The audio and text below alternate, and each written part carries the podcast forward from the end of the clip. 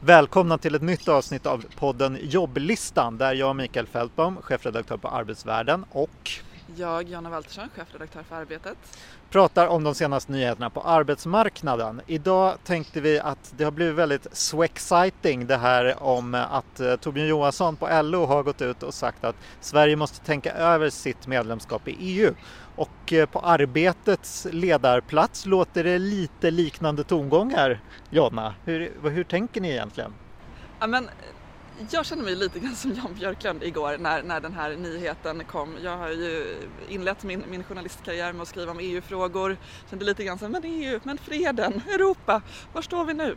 Eh, men frå, frågan som, som eh, Torbjörn Johansson och LO och som ju då också min, min ledarskribent spetsar in sig på, det är ju just det här om minimilöner.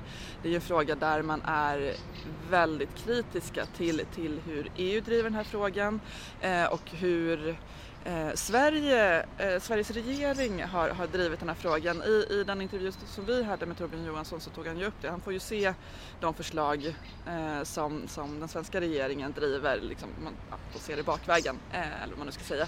Eh, och han är ju väldigt missnöjd med det och tycker att man, man är alldeles för svaga, man är alldeles för veka. Och, jag vet inte, jag tolkar väl det här som, som någon form av testballong och kanske ett sätt att markera sitt missnöje med att man inte driver frågan tillräckligt hårt.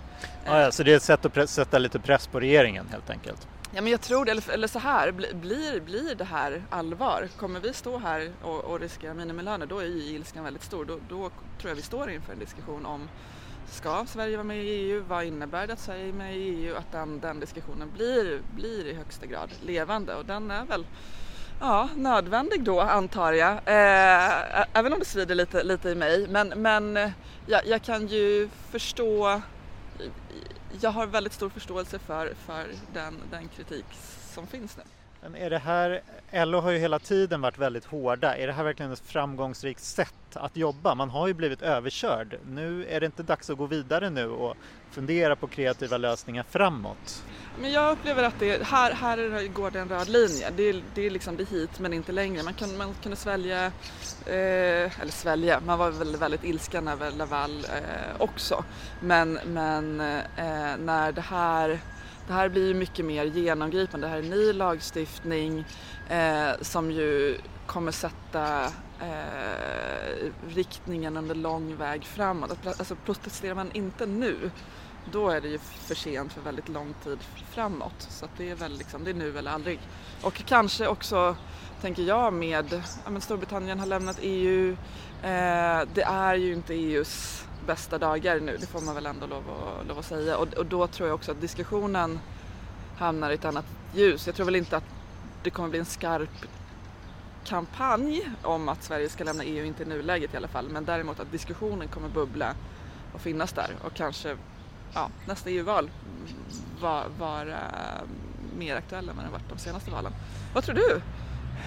Nej, jag tror väl inte det riktigt. Nej. Eh, jag tror vi är, vi är kvar i EU. Men eh, det är ju ironiskt att den här vändningen sker nu när hela driven från EU är det sociala Europa mm. och att eh, en insikt även från eh, konservativa partier att arbetsmarknaden är viktig att den fungerar och att eh, folk inte har för dåliga villkor och en insikt om fackets försvagning och vad det gör med samhället. Man är ju livrädd för att EU ska falla samman och mm. man tar sig liksom samman och vill jobba för äh, löntagares bättre villkor. Mm. Och så leder det till den här reaktionen i Sverige. Då blir man ju natur de blir ju naturligtvis förvånade. De undrar vad fan är det som händer liksom.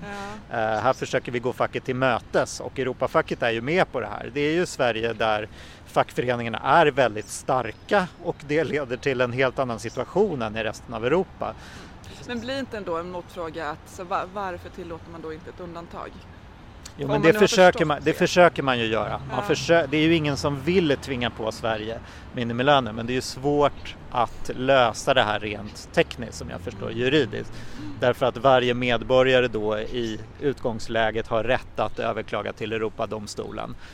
Eh, men nu försöker man komma undan det på de sätt man kan. Frågan är väl hur vattentätt det undantaget blir. Mm. Nej men precis. Ja, nej men det kanske är bra att, att EU uppmärksammas på att det här är en, en röd, röd linje. Man skulle ju önska att, det kanske, att vi kanske kunde komma med några liksom framåtriktade förslag. Kan man titta på det sociala, alltså omfördelning, eh, socialförsäkringssystem och så vidare. Kan, det, kan Sverige bidra där till europeiska lösningar eh, på något kreativt sätt? Liksom? Att vi kommer med någonting, någonting Ja, in i jo. debatten också. Ja, men precis. Nej, men, men det är väl det som är också svårt framåt. För vi har, har rätt bra eh, grundsystem i, i Sverige så att det blir ju lätt att man hamnar i en risk för, för försämring.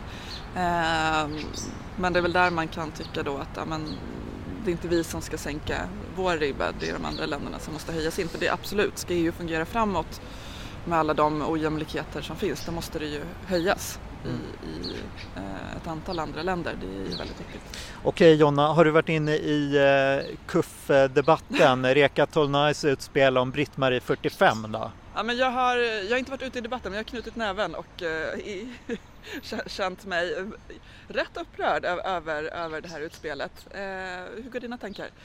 Jag, eftersom jag är 44 så att, eh, är jag ju redan den här bromsklossen då på arbetsmarknaden Ja. som fikar och eh, hindrar unga från att komma in. Mm, hur känns det?